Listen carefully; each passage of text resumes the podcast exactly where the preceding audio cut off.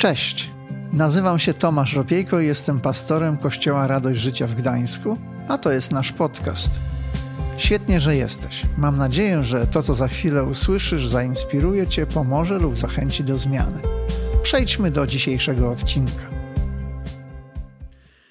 E, a teraz chciałem Was zaprosić e, do lektury Bożego Słowa.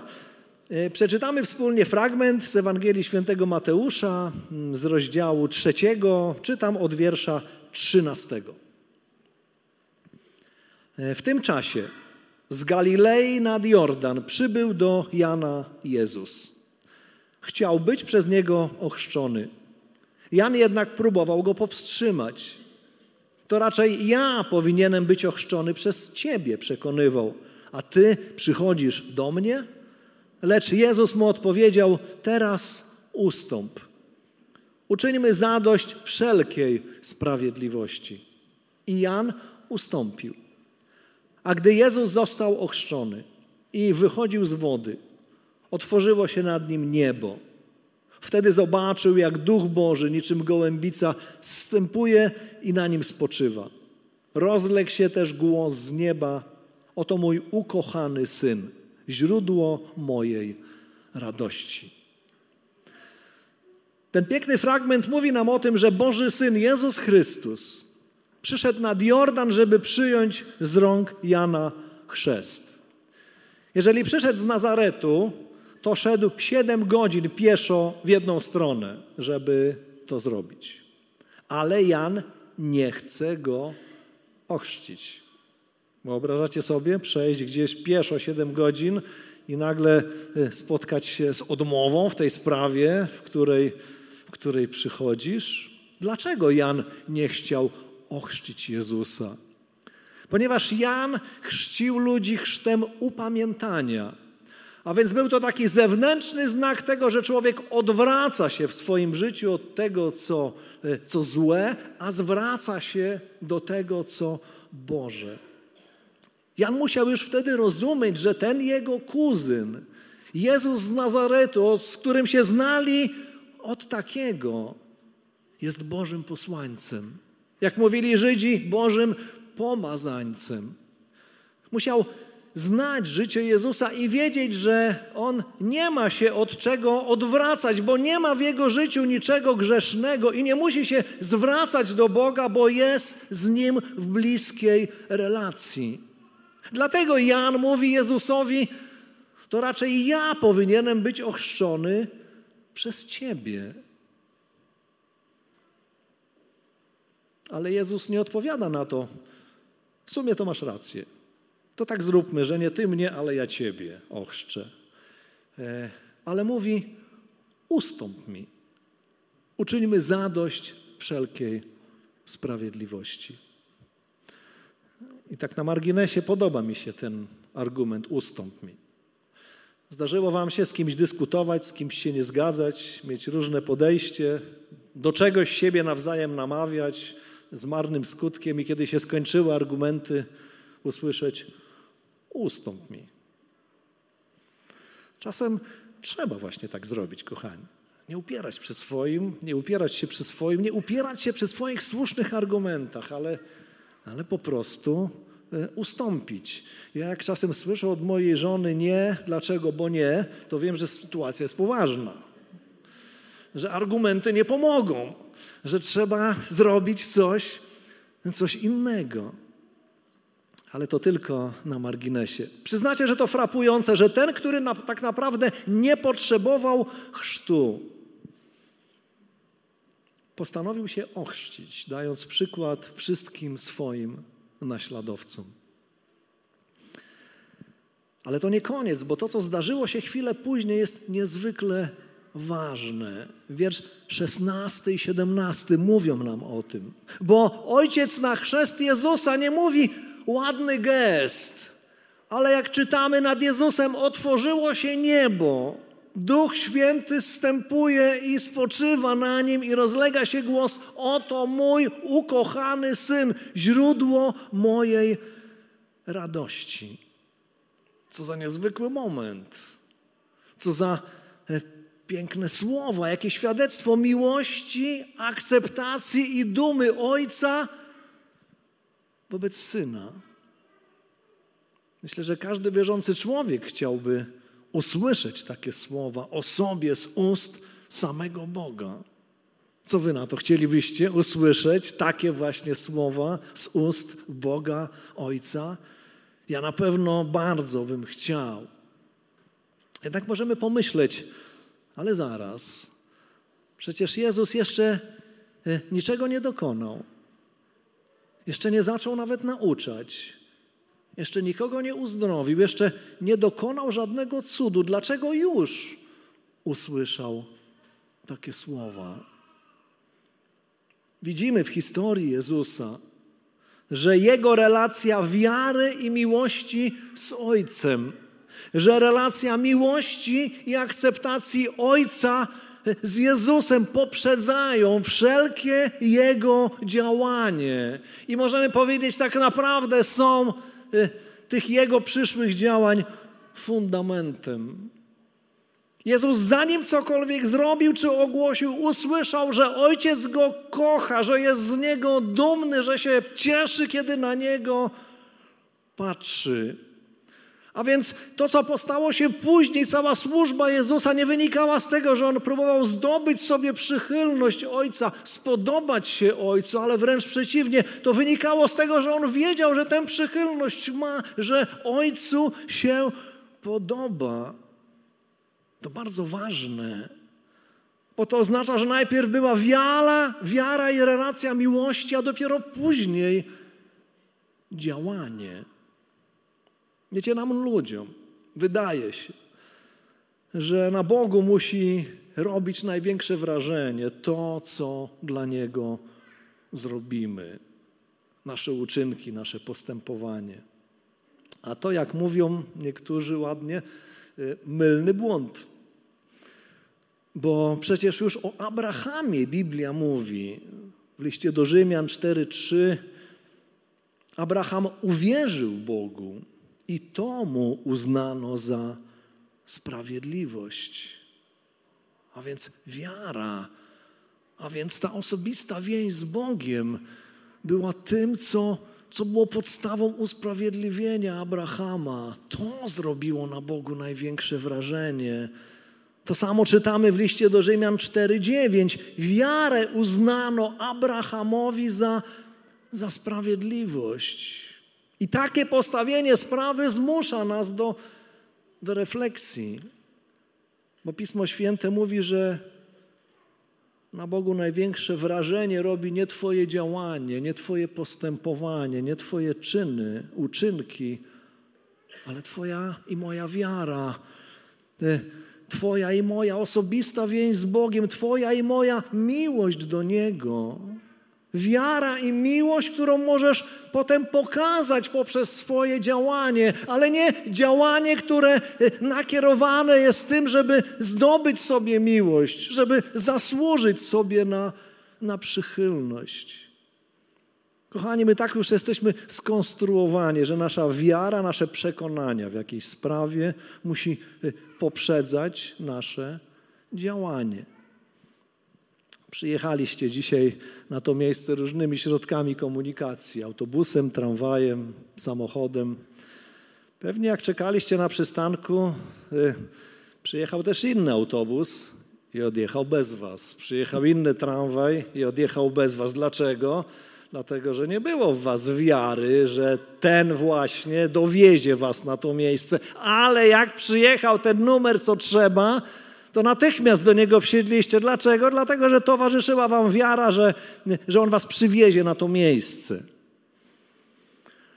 Gdybym nie wierzył, że mój samochód dowiezie mnie tutaj dzisiaj, na przykład z powodu tego, że jest tam mało paliwa, szukałbym innego sposobu dotarcia tu.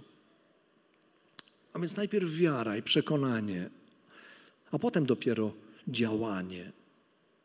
I kiedy mówimy o chrzcie, w Ewangelii Mateusza w 28 rozdziale od 19 wiersza znajdujemy takie słowa Chrystusa. Idźcie więc i pozyskujcie uczniów pośród wszystkich narodów. Chrzcijcie ich w imię Ojca, Syna i Ducha Świętego i uczcie przestrzegać wszystkiego, co wam przekazałem. Jezus mówi najpierw pozyskujcie uczniów, a potem ich chrzcijcie. Najpierw ich doprowadźcie do wiary, a potem niech tą wiarę wyrażą poprzez chrzest. Najpierw nawrócenie i osobista wiara, a potem odpowiedź człowieka, jego działanie wyrażone przez chrzest. To samo znajdujemy w Ewangelii Marka 16, 16, gdzie Chrystus mówi, kto uwierzy i zostanie ochrzczony, będzie zbawiony. Najpierw wiara, potem działanie, potem, potem chrzest. Gdy w liście do Filipian w ósmym rozdziale dziejów apostolskich y, ewangelista Filip y, głosi etiopskiemu y, dworzaninowi, ten otwiera swoje serce na Ewangelię o Jezusie. Czytamy, że jeszcze jadą przez jakiś czas i dojeżdżają do jakiejś wody. I w wierszu 36 dzieje 8:36 pyta ten dworzanin, oto woda. Co stoi na przeszkodzie, abym został ochrzczony? Już jest gotowy. E, e, jego serce już zapłonęło dla Jezusa. Postanowił, że to czas, żeby e, On przyszedł do jego życia jako Zbawiciel. I Filip na to odpowiada, jeśli wierzysz z całego serca, możesz.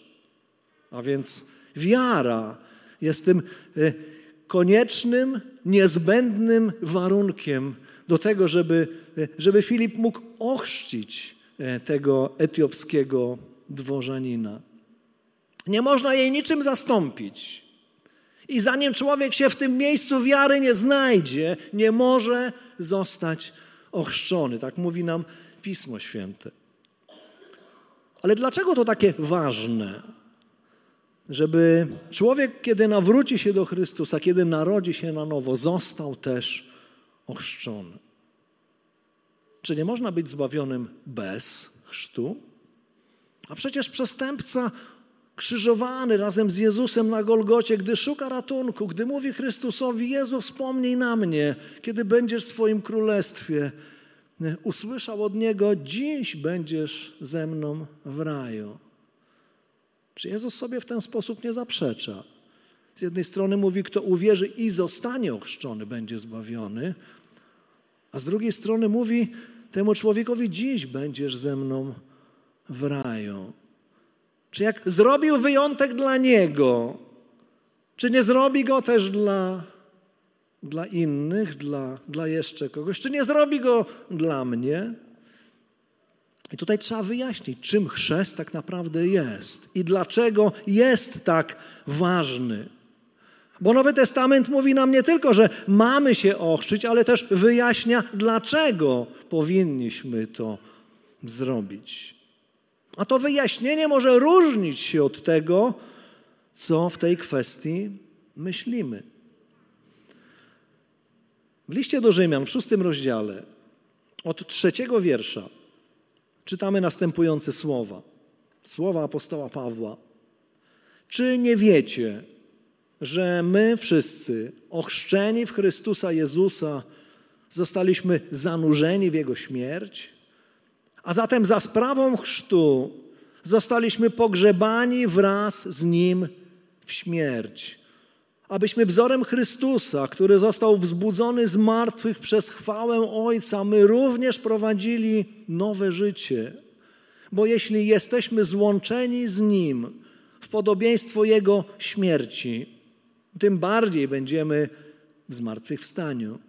Wiedząc, że ten nasz stary człowiek został razem z nim ukrzyżowany, aby ciało grzechu zostało zniszczone i abyśmy już dłużej nie byli zniewoleni przez grzech.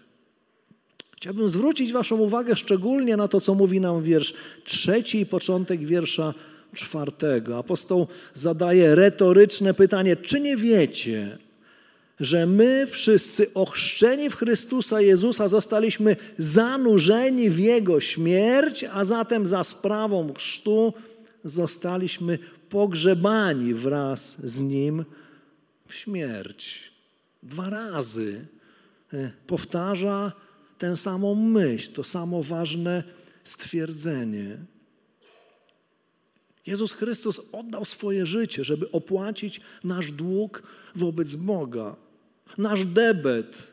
To Twój i mój grzech spowodował ten debet. Jezus wziął winę na siebie i w ten sposób uwalnia nas od, od kary. Cena Jego życia wyrównała rachunki, spłaciła nasz dług. Bez Jego śmierci Bóg dochodziłby sprawiedliwości na Tobie i na mnie. A tak ona spadła na Niego. Dlatego w liście do Rzymian 6:23 czytamy, gdyż zapłatą za grzech jest śmierć, lecz darem łaski Bożej jest życie wieczne w Chrystusie Jezusie, Panu naszym. Kochani, to taki piękny werset, to taka piękna prawda. Z jednej strony mówi nam o tym, co nieuniknione, o tym, że grzech prowadzi do śmierci, y, do duchowej śmierci. I to jest ta rzeczywistość, której każdy człowiek może doświadczyć, może o tym przekonać się na sobie. A więc labirynt bez wyjścia, ślepa ulica, co zrobić, jak się ratować. Ale druga część mówi nam, lecz darem łaski Bożej jest życie wieczne w Chrystusie Jezusie. A to ucieczka z labiryntu bez wyjścia. Śmierć Jezusa i Jego zmartwychwstanie to dwa najważniejsze wydarzenia w historii zbawienia człowieka. To podstawa Twojego i mojego odkupienia. I każdy człowiek musi zdecydować, co zrobi z tymi dwoma faktami, z jego śmiercią i z jego zmartwychwstaniem. Przyjmie je do swojego życia, czy nie? Uwierzy, że to, co Chrystus zrobił, jest wystarczającą ceną za grzech i wyzna Jezusa swoim Zbawicielem, czy nie? Jeśli tak, to na tym polega nawrócenie się do Boga. I w odpowiedzi na przyjęcie Jezusa, na wyznanie Mu swoich grzechów, na decyzję złożenia swojego długu, zapisania go na Jego koncie, a nie na, a nie na swoim, w odpowiedzi na to do Twojego i mojego życia przychodzi Duch Święty i zamieszkuje w naszych sercach. To Biblia nazywa nowym narodzeniem bo Duch Święty umieszcza w nas Boże życie z nieba. I rozpoczynamy zupełnie nowy rozdział w naszej relacji z Bogiem. Rodzimy się duchowo do nowego życia. Jednak ktoś może zapytać, o to tak pięknie brzmi, ale czy tak rzeczywiście się dzieje? Co na to powiecie? Dzieje się? Tak bywa, tak jest.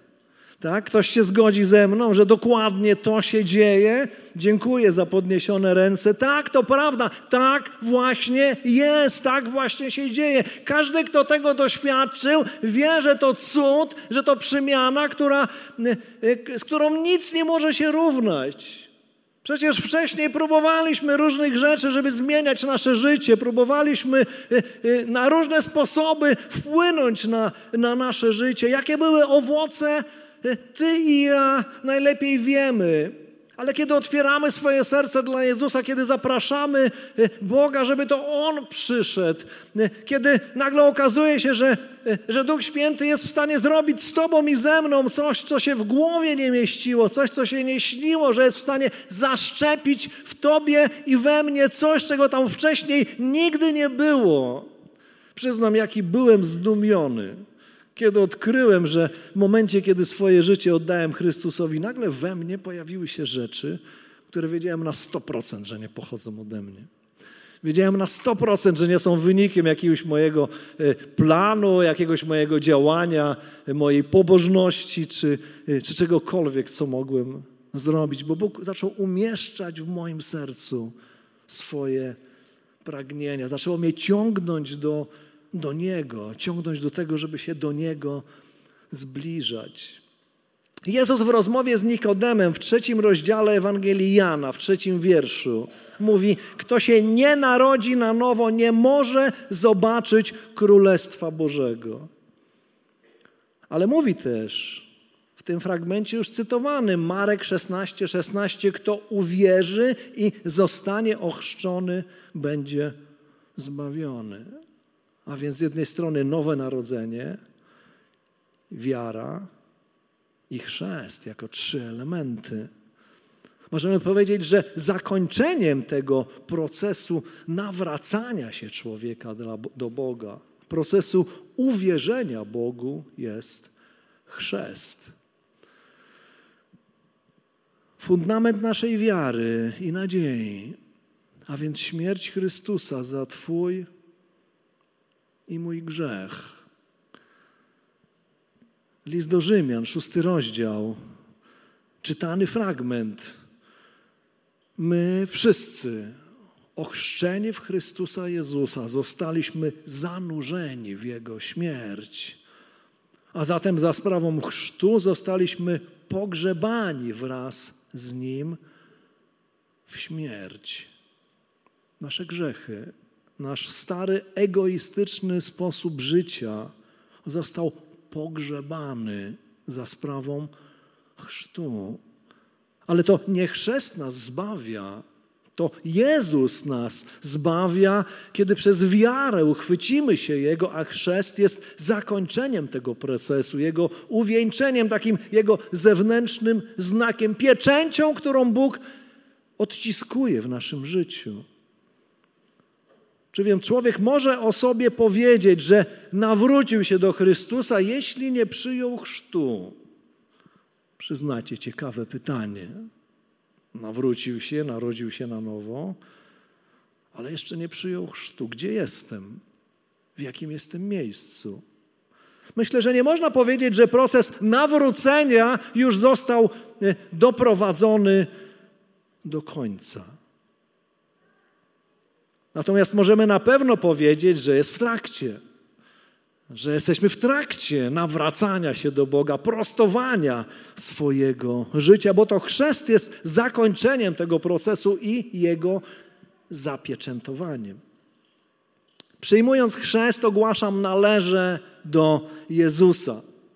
Ogłaszam przed ludźmi, przed całym niebem i przed samym piekłem. To deklaracja w świecie widzialnym i w świecie niewidzialnym. Następuje wtedy moje, y, y, y, w moim życiu duchowe połączenie z Chrystusem. Galacjan 3:27 mówi nam, bo wszyscy, którzy zostaliście ochrzczeni w Chrystusa, w Niego też się odzialiście. Można powiedzieć, zostaliśmy okryci Nim.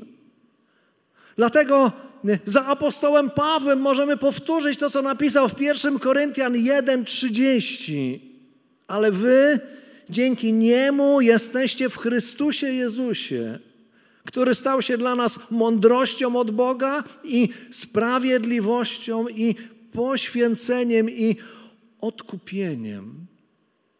Kiedy więc nawrócisz się do Chrystusa, narodzisz się na nowo staniesz się Jego dzieckiem i na znak tego przyjmiesz chrzest, nie stajesz już przed Bogiem ubrany w swój własny strój, utkany z, naszego, z naszych uczynków, z naszych dokonań, ale stajesz okryty Chrystusem, stajesz odziany w Chrystusa w Jego sprawiedliwość, w Jego świętość, w Jego niewinność.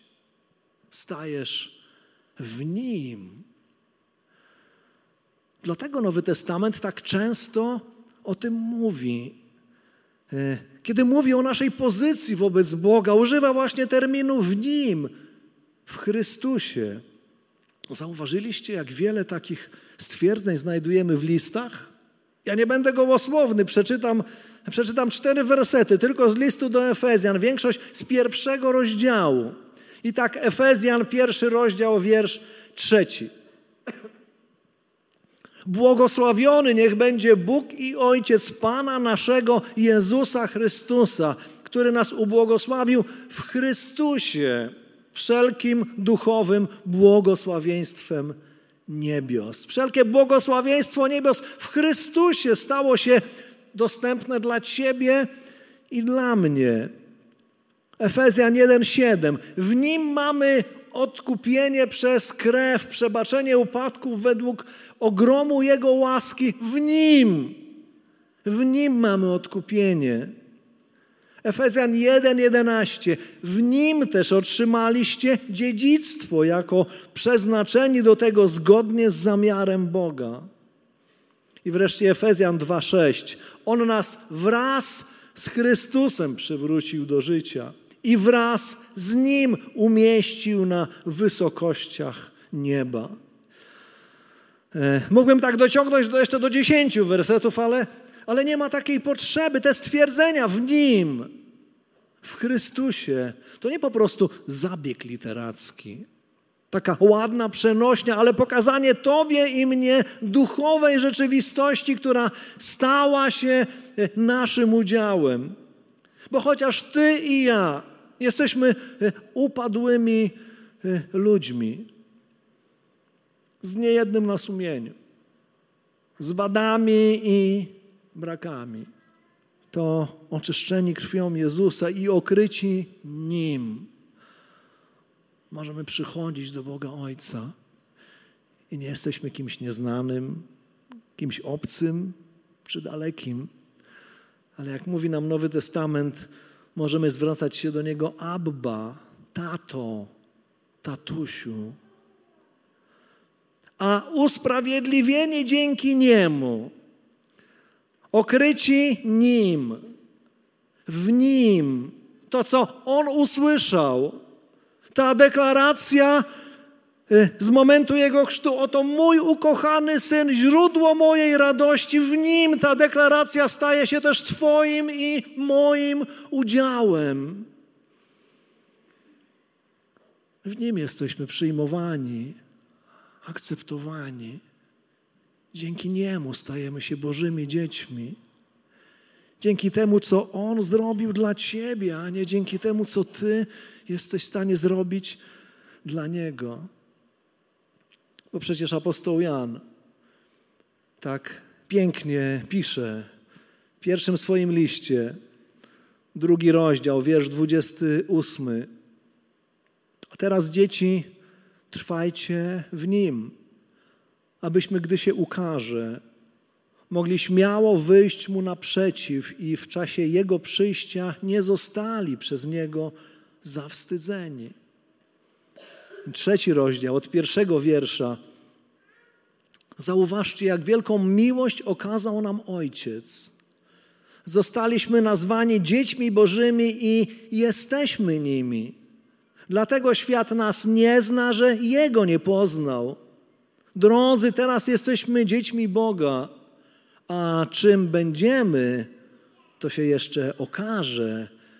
Choć już wiemy, że gdy się okaże, będziemy podobni do Niego, gdyż zobaczymy Go takim, jaki jest. I każdy, kto łączy z Nim taką nadzieję, oczyszcza się podobnie jak On jest czysty. Jakie piękne słowa, jaką nadzieję niosą, jaką pewność wlewają w nasze serca. Apostoł mówi, że dziś jesteśmy dziećmi Bożymi, ale to nie koniec, to dopiero początek. Są jeszcze rzeczy, które są przed nami. Nie wiemy, co jeszcze się wydarzy, czym jeszcze będziemy, kiedy kiedy On się objawi. Wiemy natomiast, że będziemy do Niego podobni. W liście do Kolosan 2:10 apostoł Paweł napisał i macie pełnię w Nim. Ta pełnia nie jest nam dana, abyśmy zamknęli ją w sejfie i pilnowali, żeby się nie porysowała, żeby się nie zużyła, żeby nie straciła swojego blasku, e, ale została nam dana, żebyśmy każdego dnia uczyli się z niej korzystać. Codziennie, kiedy naśladujemy Jezusa, kiedy pracujemy, kiedy uczymy się, kiedy się obracamy pomiędzy ludźmi, Duch Święty chce prowadzić, używać nas, udzielać swoich wskazówek. Jest w Tobie. Nie może być bliżej. I każdego dnia chce dawać Ci doświadczać tego Jego prowadzenia. Czasem nas napomina, czasem zachęca, czasem ostrzega. Bądźmy gotowi z tego stale korzystać. Niech ta pełnia będzie takim codziennym naszym doświadczeniem. Niech nasze połączenie z Chrystusem będzie jak sieć internetowa, z której w każdej chwili możesz skorzystać, coś odebrać, coś sprawdzić, coś wysłać, czegoś się dowiedzieć. Wiecie, różne rzeczy y, próbują tą, y, y, tę sieć zakłócić. Nie pozwól na to. Jeśli jesteś w Chrystusie, Bóg jest w zasięgu, a Ty jesteś w Jego zasięgu. Pilnuj tego. A kiedy się zastanawiasz, jak wyglądam, tak dochodzimy do tytułu naszego kazania e, na samym końcu. Jak wyglądam w znaczeniu, jak wyglądam przed Bogiem, jak On na mnie patrzy to chciałbym Ci powiedzieć, jeśli stoisz przed Nim we własnym imieniu, to Ty i ja wyglądamy strasznie marnie. Ale jeśli stoisz przed Nim w imieniu Jezusa, w Nim, to sprawa wygląda zupełnie inaczej. Bo tego, jak wyglądasz w Chrystusie, nie da się z niczym innym porównać. Czy więc można być zbawionym bez chrztu? Tak jak ten człowiek ukrzyżowany razem z Jezusem na Golgocie? Można, bo zbawieni jesteśmy z łaski przez wiarę w Jezusa Chrystusa. I tak jak tamten człowiek w ostatniej chwili się do Jezusa zwrócił, został przyjęty, bo Biblia nam mówi, że Bóg nie chce, żeby ktoś zginął, ale chce, żeby wszyscy przyszli do upamiętania. Jeśli więc masz za chwilę umrzeć, to łaska i Twoja wiara mogą Cię ocalić i to wystarczy, żeby być zbawionym. Ale jeśli to nie są Twoje ostatnie chwile i dalej masz żyć, Potrzebujesz chrztu. Potrzebujesz, żeby w pełni znaleźć się w Nim, żeby z Jego pełni zaczerpnąć każdego dnia, żeby z Jego pełni korzystać każdego dnia, żeby cieszyć się Jego bliskością, Jego obecnością i Jego działaniem. I na koniec ostatni fragment, Ewangelia Jana, 15 rozdział. Przeczytamy czwarty i, e, i piąty wiersz. Jezus mówi: Przede wszystkim trwajcie we mnie, a ja w Was. Podobnie jak pęd nie może przynosić owocu sam z siebie, jeśli nie wyrasta z winorośli, tak i wy, jeśli nie będziecie trwali we mnie. Bo ja jestem winoroślą, wy pędami. Kto trwa we mnie, a ja w nim, ten wydaje wiele owocu bo beze mnie nie jesteście w stanie nic uczynić. Ten obraz winnego krzewu i gałązek, które z niego wyrastają. Dwa tysiące lat temu Jezus ten obraz przytoczył do dziś. Jest dla nas tak jasny, tak zrozumiały. Ktoś powiedział, chrześcijaństwo jest z jednej strony proste, ale z drugiej trudne, proste, bo nie wiąże się z nieskończoną listą obowiązków religijnych, które trzeba wykonać, ale trudne, bo wszystko zależy od relacji z Nim. A tą relację tak wiele różnych rzeczy stara się zakłócić, tak wiele różnych rzeczy chce dostać się między Ciebie a Jezusa. Dlatego On mówi: Trwajcie we mnie o to, czego potrzebujecie, o to, co najważniejsze, o to, co, co jest kluczem do tego, aby zwyciężać, o to, co jest kluczem do tego, aby stawiać czoła różnym wyzwaniom w swoim życiu. Ja jestem tą winoroślą, winoroślą, w której krążą życiodajne soki, jeżeli pozwolisz, żeby te soki krążyły również w Tobie, jeżeli pozwolisz, żeby Duch Święty działał w Twoim życiu, przez, przepływał przez Twoje życie, jeżeli pozwolisz na tę stałą relację, będziesz wydawać owoc. Jezus mówi wiele owocu. Nie byle jaki owoc, nie czasem, nie trochę, ale, ale wiele owocu. Beze mnie to nie jest możliwe. To się nie da zrobić. Beze mnie kończysz na religijnych obowiązkach, które trzeba wykonywać, które nie przynoszą radości ani satysfakcji, ale poczucie, że ciągle nie jestem wystarczająco dobry, nie robię wystarczająco dużo, że ciągle mi czegoś brakuje. A kiedy jesteś w Nim, kiedy jesteśmy w Nim, jesteśmy przyjmowani, akceptowani, miłowani. Możemy się cieszyć przychylnością i radością Ojca. Kochani, zapraszam do modlitwy. Powstańmy.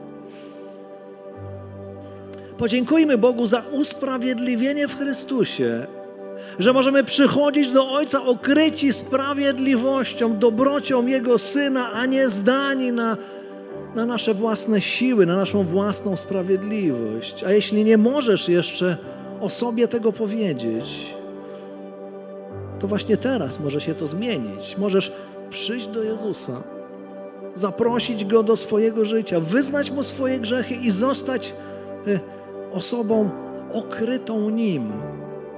Możesz rozpocząć nowe życie z Bogiem, stać się Jego dzieckiem. Jeśli jesteś dzisiaj gotowy, gotowa taką decyzję podjąć, to w kilku słowach zaproś Jezusa do swojego życia, a my chcemy błogosławić Cię na tej drodze. Zawołajmy do Boga wspólnie, wszyscy razem. Panie nasz, tak chcemy Ci podziękować za e, usprawiedliwienie w Chrystusie, za to, że kiedy jesteśmy w Nim, nie jesteśmy zdani na swoją własną sprawiedliwość, na swoje własne dokonania, na swoje własne uczynki, ale możemy być okryci, okryci Nim. I przychodząc do Ciebie, cieszyć się przychylnością, y, cieszyć się y, błogosławieństwem, która, które, błogosławieństwami, które należą się Twojemu Synowi. Panie nasz, chcemy Ci podziękować za tą niezwykłą drogę zbawienia, że nie oczekujesz od nas nieskończonej listy rzeczy, które które mamy wypełnić, ale oczekujesz tego, abyśmy przyjęli Chrystusa jako swojego Zbawiciela, e, stali się Jego własnością, abyśmy e, przyjęli na znak tego chrzest i, e, i cieszyli się tą pełnią, którą, która staje się naszym udziałem dzięki temu właśnie, dzięki, dzięki ofierze, dzięki śmierci i zmartwychwstaniu Twojego Syna. Panie, jesteśmy tak bardzo Tobie za to wdzięczni. I teraz chcemy modlić się o każdą osobę, która, która jeszcze nie ma tego doświadczenia, ale chcemy Cię prosić, Panie, o to, żebyś przychodził do ich życia jako, jako Zbawiciel. Panie, chcemy błogosławić każdą osobę, która teraz chce podjąć taką decyzję, otwiera swoje serce, wyznaje swoje grzechy i zaprasza Cię do swojego życia. Przyjdź, Panie. Panie, chcemy się też modlić o to, abyś nas uczył każdego dnia, co to znaczy trwać w Tobie, jak mamy to robić E, jak mamy nie pozwalać na to, żeby jakiekolwiek rzeczy starały się, które starają się dostać między Ciebie a nas, żeby, e, żeby tak mogło być. Panie, wołamy o to, abyś nas uczył, aby Twoja bliskość, Twoja obecność, Twoje prowadzenie, Twoja łaska i Twoja moc codziennie mogły objawiać się e, w tym, co wydarza się, będzie się wydarzać dzisiaj, jutro, we wtorek i w środę. Panie, powierzamy w Twoje ręce nasze życie. Uwielbiamy Ciebie. Chwała Tobie, Panie nasz. Kochani, śpiewajmy. Uwielbiajmy Boga. Módlmy się dalej. Dzięki, że zostałeś z nami do końca. Pamiętaj, że odcinki pojawiają się w każdy poniedziałek o 18. Jeśli chcesz dowiedzieć się o nas więcej, to wejdź na stronę kazetgdańsk.org. Do usłyszenia.